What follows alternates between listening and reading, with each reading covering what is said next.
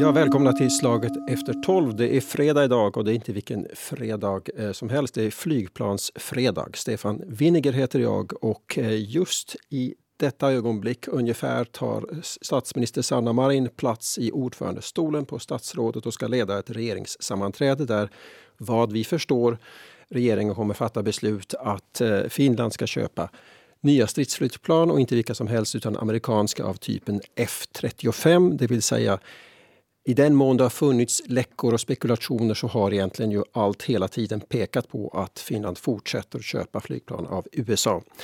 Eh, vad detta leder till militärt, vad det betyder ekonomiskt och eh, politiskt ska vi diskutera här i slaget efter 12. Jag säger välkommen till Charlie Salonius Pasternak som är äldre forskare vid Utrikespolitiska institutet. Välkommen till slaget. Tack, tack. Jag säger också välkommen till docent Thomas Ris från eh, Försvarshögskolan i Stockholm. Välkommen. Jo, hej! Trevligt att vara här. Hejsan. Hej, välkommen med. Och här med mig i studion sitter politiska reportern eh, Johan Ekman från Svenska Yle. Välkommen du också. Tack, tack. Eh, ja, alltså vi fortsätter att köpa där vi köpte sist. Eh, är det den säkraste vägen? Jag vänder mig först till Charlie Salonius Pasternak här. Eh, I det här hur, hur bedömer du det här att, att vi fortsätter att vara trogna köpare av amerikanskt eh, krigsmateriel?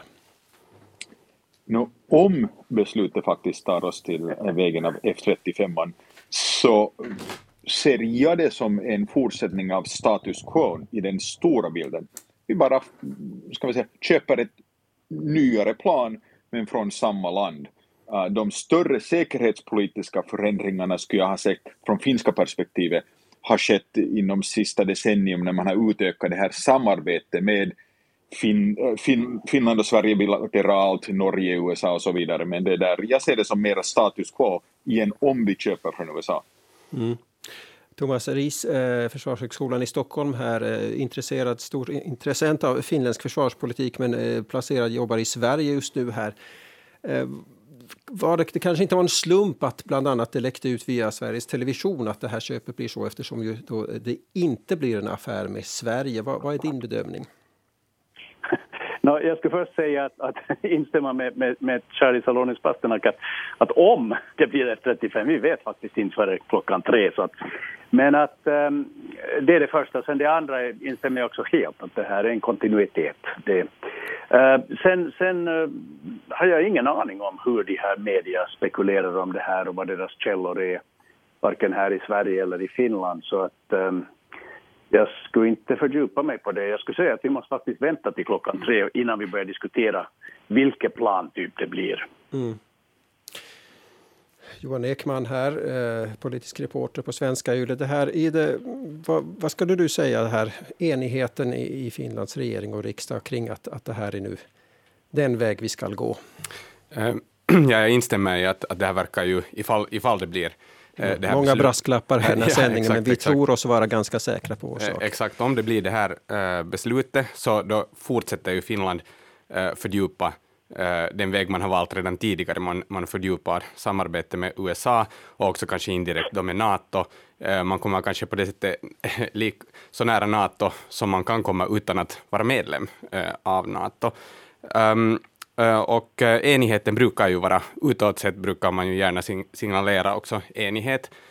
Och samtidigt så vad staten försöker göra här är ju också att lämna så mycket rörelseutrymme som möjligt diplomatiskt, oberoende vad det här beslutet är, så man kan förvänta sig att det blir mycket betoning också på tekniska de, den tekniska kapaciteten och så vidare eh, och inte liksom understryka det, det försvarspolitiska och utrikespolitiska i, i det här beslutet. Hur menar du behöver eh, utrymme? Alltså, hur, hur, menar du då? Eh, no, det, I och med att det här beslutet ju är ett försvars och utrikespolitiskt beslut eh, väldigt långt också, eh, så eh, då förstås vill man inte när man fattar det här beslutet, så beslutet talar ju för sig, för sig men samtidigt vill man ju kanske inte understryka det heller eftersom man vill fortfarande ha eh, så goda och nära relationer med de andra eh, länderna som också sålde jaktplan. Mm.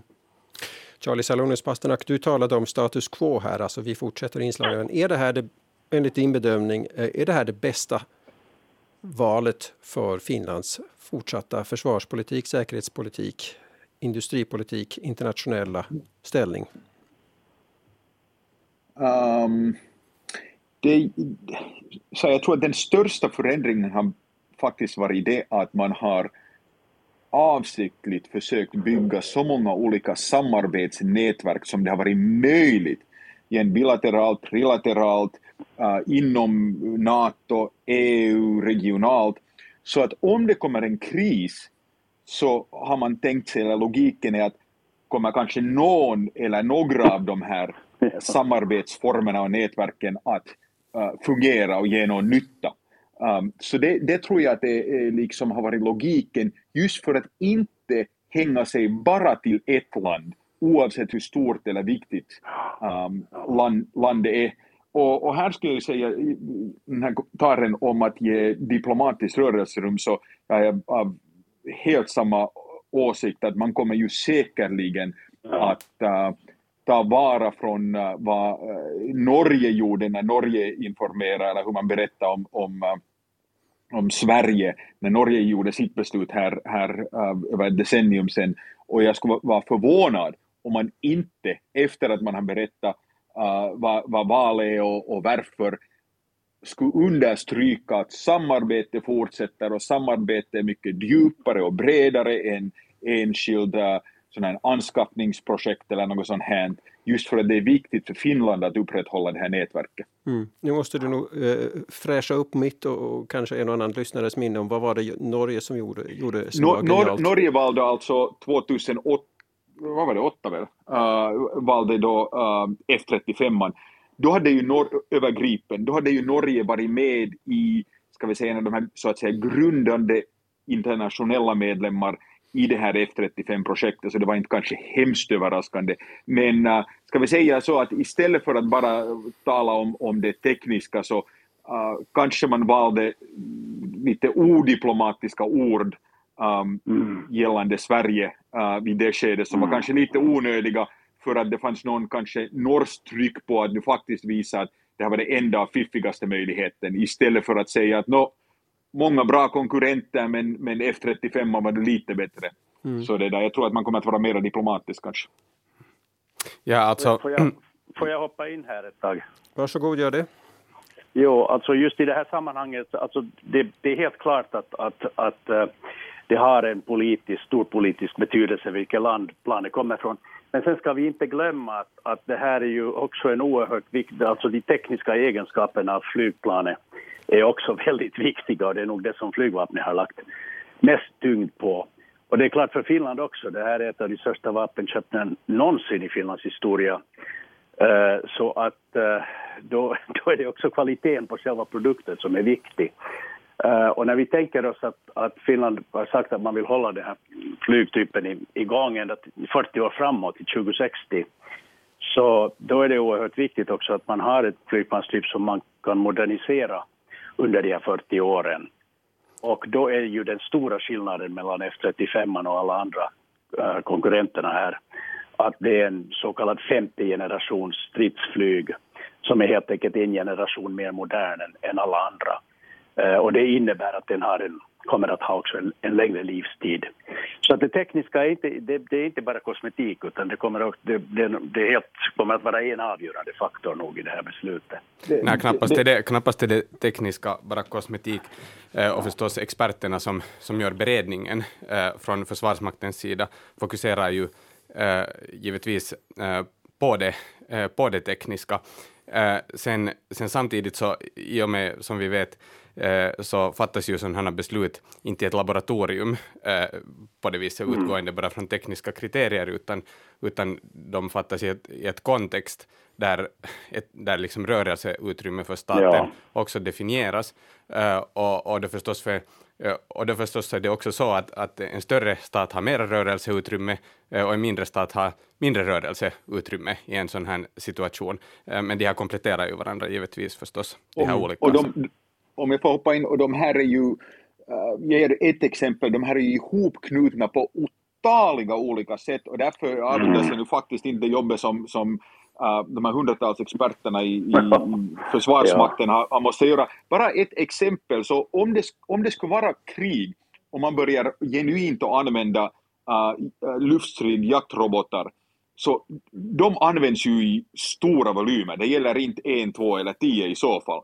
Och då måste man ju också fundera på att okej, okay, vi har köpt lager, eller vi kommer att köpa lager, vi har lager, men vilka länder eller konstellation av länder kan leverera mera om kriget mm. fortsätter länge, som mm. vi har mm. sett då i Ukraina och, och så vidare, ja. dock en lägre intensitet. Så det är en massa med bedömningar som har med teknik att göra, sen också det att hur, hur stabilt är förhållande, vem har kapacitet att faktiskt bygga nya eller ge från sina egna lager om vi behöver mera. Så det, det är fruktansvärt kom, äh, komplext att, ja. att göra den här bedömningen. Ja, ja. Sen, sen, har vi ju också förstås, det som jag tycker är en intressant aspekt av det här är ju det att flera länder har ju nu valt den här F35 äh, och hur, äh, på vilket sätt det här påverkar det europeiska försvarssamarbetet som helhet. Jag menar, det har ju också talats mycket om, åtminstone i medier, om, och också politiker har talat om det här att, att öka på EUs Eh, egen självstä eget självständiga oberoende också som militär makt, så på vilket sätt eh, påverkar det att man sen ändå väljer, eh, tenderar att välja ofta amerikanska eh, plan? Det här får jag hoppa in, så det är ju en fråga om, och det här berättar lite om när man talar i vissa europeiska länder om europeiskt självständigt försvar, så talar man industripolitik.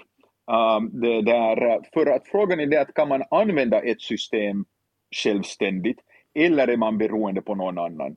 Um, och det där, nu kan man ju, Finland antar ju och har krävt att det kan operera vilket jaktplan man nu väljer uh, självständigt.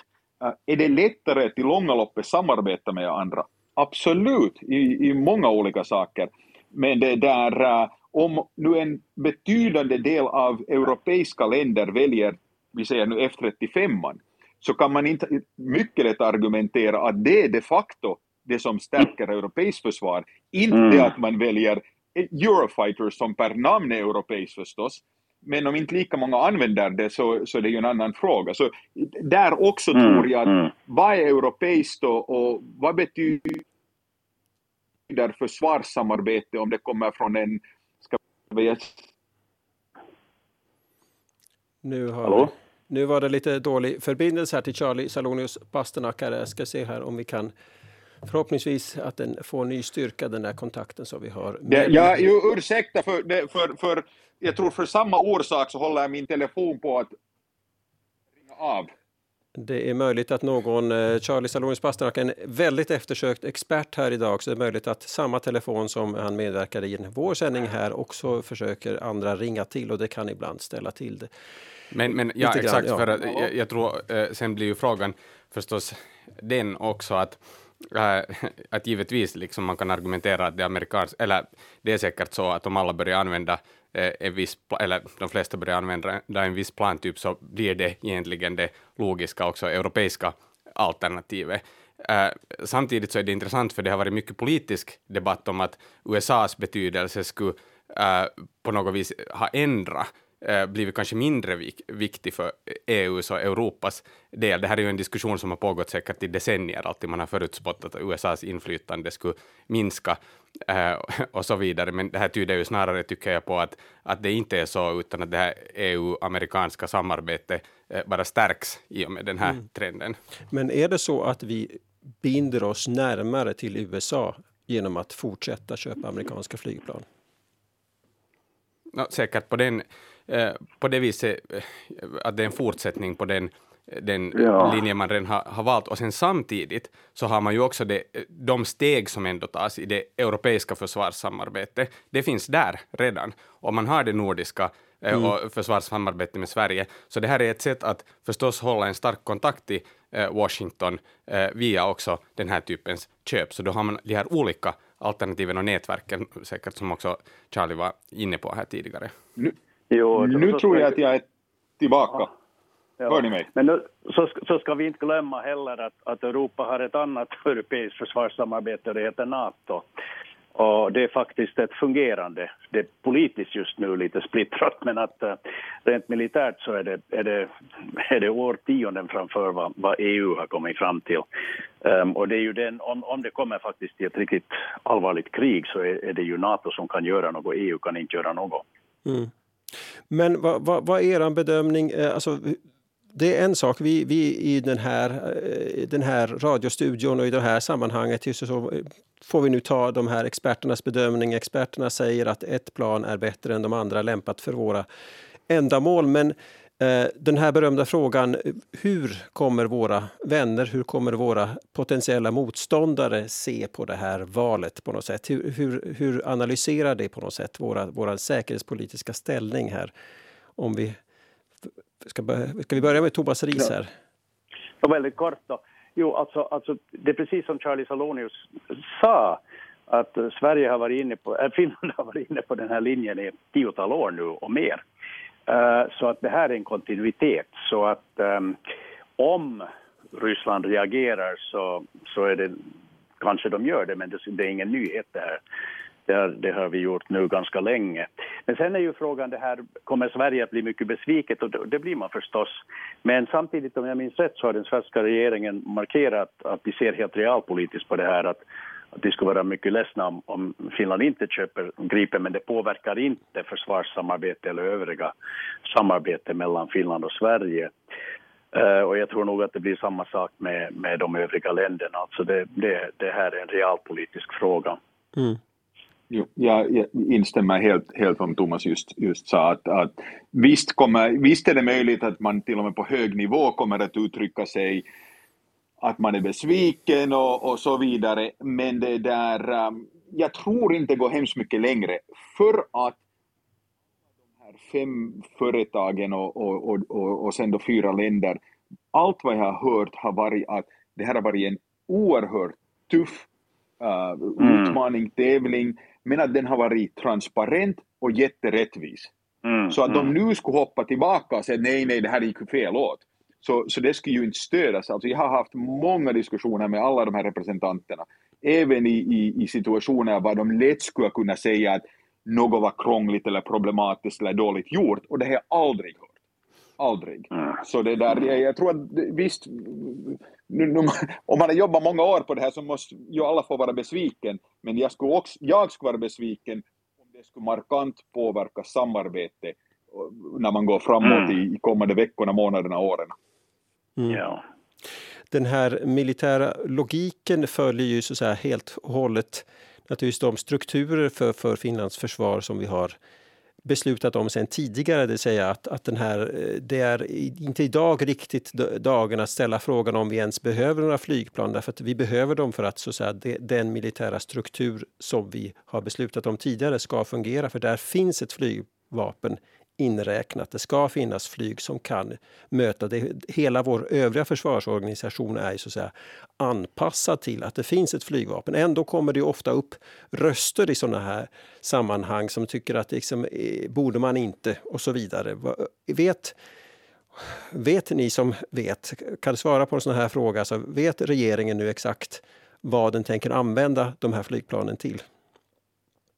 No, jag, jag måste inte vet jag om regeringen i sig som en helhet, uh, men uh, nu vet finska försvarsmakten, nu vet säkerhetspolitiska ledningen, uh, det att man inte alltid talar klarspråk om det, så det mm. passar ju bara, ska vi säga, finska myndighetskommunikationskultur, men, men visst, visst vet man hur man använder det som en helhet.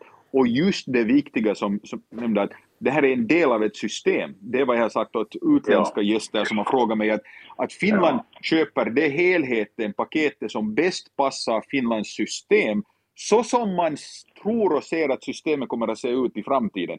Det kan mm. också vara det objektivt bästa enskilda planet, men det behöver inte vara. Det är bästa ja, sen, systemet som gäller. Ja, och det skulle se ganska... Äh, om, om Finland skulle fatta ett beslut att inte äh, köpa några Eh, förnya den här eh, flygflottan och, och, inte köpa nya plan, så eh, det skulle nog också ge en ganska speciell signal utåt, så där finns ju också förstås en sån bedömning i alla, också tror jag nog i bakgrunden, fast jag nu sen inte kan på det sättet bedöma liksom tekniskt vilka plan som nödvändigtvis är bäst eller, eller, eller så vidare.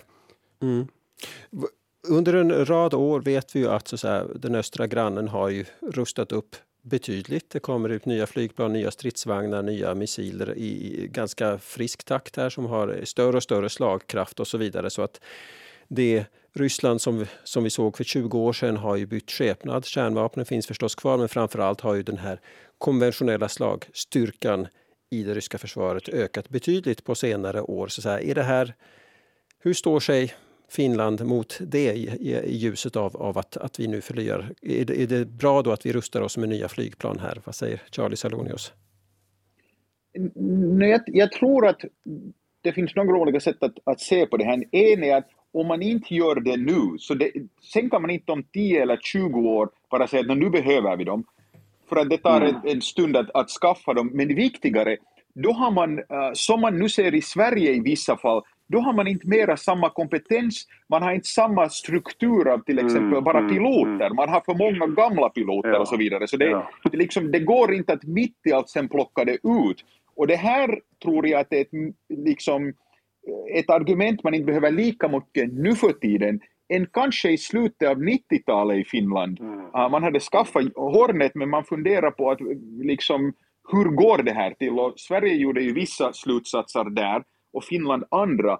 Men det, där, eh, det är nog så att, att när man har beslutat att man behöver ett nationellt försvar så nu för tiden för ett modernt försvar så kräver det nu någon slags luftförsvar inklusive jaktplan. Man behöver bara se på konflikter i vi tar Syrien och Afghanistan, vad som händer när en sida har totalt luftherravälde. Uh, det föreslås ju någon gång i Finland att vi ska alla ungefär ta en bössa och gå ut i skogen. Men se bara på landets infrastruktur, vad händer när den andra kan bomba fritt? Så jag tror inte det är en försvarslösning man i Finland vill sådär genuint tänka på. Men, och det som nog i och för sig, det är ett stort beslut det här, för att samtidigt ser vi eh, att det beslut man fattar i ett sådant här sammanhang har väldigt långtgående konsekvenser nog också.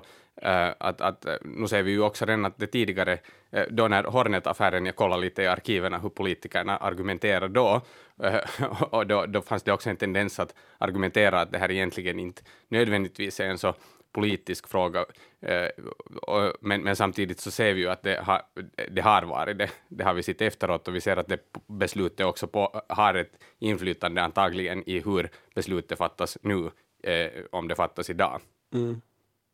Det här, de som säger nu idag också att se nu här, sista veckorna här, Belarus skickar ju in här flyktingar, det, det, världen är full av hybrida hot. Eh, hur, hur, hur står sig, kan ni svara dem, vad svarar ni dem att vi ändå behöver flygplan? Hur ser den logiken ut? Mm. Jag, jag vet att Thomas har skrivit, jag har många gånger hört honom tala om global säkerhet och förändringar, så jag väntar mig att vad, vad Thomas tänker om det här. no, det, det självklara svaret är att det ena utesluter inte det andra. Um, och det här är inte bara det här ska vi säga gråzonskrig eller hybrid vad man kallar det. Det är inte bara ett globalt fenomen utan det är ju någonting som pågår i, i allra högsta grad i Europa just nu. Så att med det, men, men det, det klara svaret är att det ena utesluter inte det andra. Och som nämndes just det att Ryssland har, eller Putins Ryssland har upprusta militärt enormt. Och det betyder att, att ett mera, ska vi säga, klassiskt eller i alla fall ett krig som omfattar väldigt stora militäroperationer uh, inte kan uteslutas. Så att jaktplanen är absolut nödvändiga för Finland.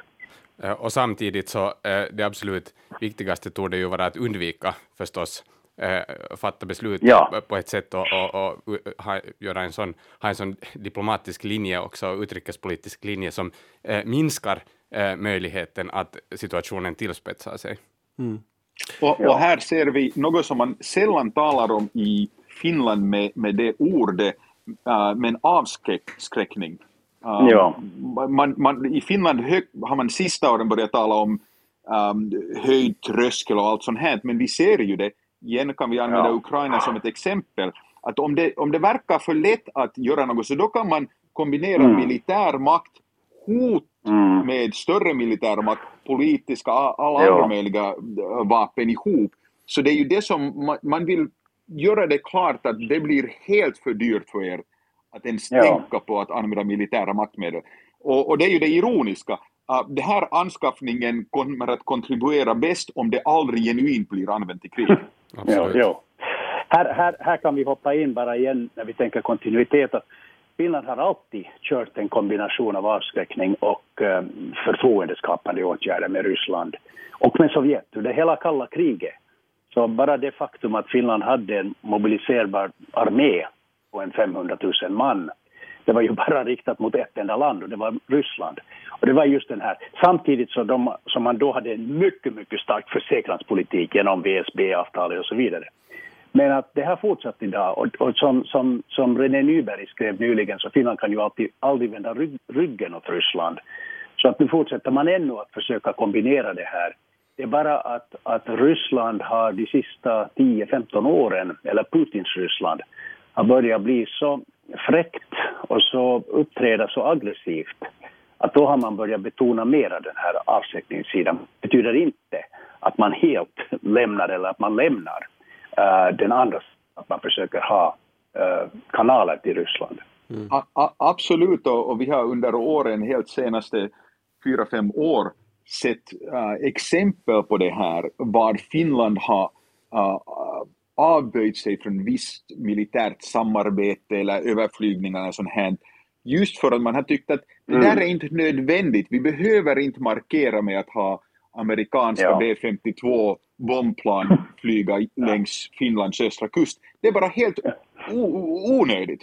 Uh, ja. det där, och, det här tycker jag är just den här balansen, att man, ja. man, man visar tillräckligt för att ryska försvaret har en bild att det här skulle inte bli lätt, men man behöver inte liksom varje dag försöka gräva i ögon på, på björnen så att säga. Mm. Det som ju är i och för sig nu när det här beslutet eh, fattas, eh, också i ett kontext förstås av eh, ganska stora också spänningar eller signaler till, till det finns spänningar mellan, eh, mellan Ryssland och USA och, eh, och mellan NATO och, eh, och Ryssland. Och det tycker jag liksom på det sättet är intressant att det här beslutet kommer i ett sådant läge i och för sig. Mm. Det, det, det, är ju intressant att se hur, eller det här att Ryssland har inte under senaste, nästan hela det här HX-projektet, har man inte hemskt mycket slutligen försökt sätta sina fingrar i det, i alla fall offentligt så att man skulle se det, eller ens på socialt media på något stort sätt. Men det blir intressant vad man säger nu om det här och speciellt hur, hur man liksom, vilket paket man gör det. Är det att man bara säger att Finland gjorde sitt eget beslut? Är det att man sväker Sverige? Är det att man nu eh, liksom fördjupar samarbete med NATO men inte USA? Att hur man vill paketera det här Uh, så det där berättar ju något om vad Ryssland vill, vill, vill att alla andra tänker om det här. Mm. Mm. Nu har ni flera gånger eh, nämnt den, den eh, försvarsalliansen Nato som ju är ett, ett, politiskt ord som eh, här i Finland som många kan hoppa till om man, när man nämner det. Och då, många ställer sig den frågan, eh, vi har visserligen amerikanska flygplan sedan tidigare men fler amerikanska flygplan innebär nu det att vi sen tar ett steg närmare NATO-medlemskap? Alltså Finland är väl ett land som är väldigt nära NATO utan att åtminstone tills vidare vara med NATO. Mm. Att det är på, på ett sätt ett, ett sätt också att samtidigt liksom inte ta ett politiskt steg som skulle ge en viss signal till Ryssland, men inte heller utesluta NATO och också fördjupa i sig samarbetet ditåt. Det är väl idén här, tror jag, tanken här bakom det, som, det som kanske är, eller är sannolikt att ske, men vi har sett redan signaler av det här före det här, är det där uh, att samarbete bilateralt, och här beror det ju mycket på vilket plan man nu slutligen väljer, uh, med ett NATO-medlemsland kan öka. Om man väljer F-35 så är det ju naturligt att mm, man mm. genom det ökad samarbete med Norge, ja. möjligtvis också lite med Danmark och andra. Så, så det här ser jag mera, det, det är mycket sannolikt att bilaterala eller, eller multilaterala samarbete mellan Finland och NATO-länder ökar på grund av det här. Det betyder mm. inte att man formellt ser en skillnad, det blir inte ett nytt avtal eller något sånt nödvändigtvis. Det är just det här politiska rörelseutrymme vi också tala om, eller diplomatiska rörelseutrymme vi talade om i början. Mm. Så vi ingår då i en klubb ungefär som vi som kör samma bilmärke och kan vi vinka och blinka åt varandra så att säga. Då gör vi norrmän och danskar i framtiden helt enkelt. No, det, det, det är, där är det ju dock den skillnaden att, att igen, ponerar om det är F35 som, som vi talar om här med just Norge och Danmark, så den samlar ju en otrolig mängd information och data ständigt mm. när den flyger. Och de är byggda så att de kan dela den här informationen med andra där. Och, men det är ju så det är inte ett tekniskt problem att byta den här underrättelseinformationen, men det är ju ett politiskt beslut. Vill vi att finska och norska flygplan kan byta ut och till vilken grad och så vidare. Så det här blir ju mm. politiska beslut man måste göra om man gör det här. På samma sätt skulle man ju göra om man väljer Gripen, så, så, så skulle man ju måste göra likadana politiska beslut. Att, att Sverige skulle då veta allt och nu blir det då så Oslo och Köpenhamn som vet precis vad, vad, vad vi har för vad Finland sitter. Eller om, så säga, man, måste, man måste se till att organisera det för så, vad får Norge, Danmark och sen i förlängningen även USA del av, av det som finländska flygplan samlar in. Ja, hur mycket Absolut. har man, ni som är, äh, har, har mycket kunskap om det här, på vilket sätt begränsar man om man så vill den här informationen som, som man delar med sig? Går det? Alltså det, det är ju bara att, att välja vad man, vad man delar, del, delar man ja. något. Och sen måste man komma ihåg att uh, lite som en mobiltelefon kan du ju välja det där att hur mycket information du delar med dina kompisar om var du ligger och allt sånt här. Det där, um, det, det som um, kanske är, nu tror den här, um, ja, så jag tror att det, det, det, det, det, man bara beslutar hur mycket det är. Det som man måste komma ihåg är att i underrättelsevärlden, du måste ha något att byta med. Så det, där, det, det måste finnas riktiga intressen för Finland att automatiskt bara dela med allt, istället för att ta det in, göra en djupare analys var man kanske kombinerar det med en annan information som Finland har och sen byter man ut något riktigt värdefullt för något riktigt värdefullt från Norge eller USA eller Frankrike eller vem som helst annan. Mm. På finska skulle man säga att pitää olla oravan nahkoja. Ekorrskinn att byta. ja, ja. Det kommer att bli en stark diskussion om, om allehanda ekorrskinn här, för det kommer naturligtvis oavsett. Nu har ni varit väldigt noga med att påpeka att, att vi inte vet, eh, även om eh, läckor påstår att det blir det här amerikanska F-35-flygplanet som alltså regeringen just nu sitter och ska fatta beslut om, as we speak, som vi säger på engelska. Eh, och det kommer naturligtvis under den kommande tiden nu förstås eh, bli väldigt mycket diskussion om eh, just de här detaljfrågorna som vi inte nu kan avhandla alla här i slaget efter tolv. Därför här säger vi nu tack så mycket för medverkan Charlie Salonius Bastenak, äldreforskare vid Utrikespolitiska institutet. Tack för att du tog dig tid här en hektisk dag som idag. Eh, tack Thomas Ris, Försvarshögskolan i Stockholm, att du var med här och Johan Ekman, politisk reporter på Svenska Yle. Tack för att ni gav tack. del av er klokskap här. Tack till er. Stefan Winiger heter jag. Tack för medverkan, tack för att ni lyssnade. Vi hörs igen. Hej då.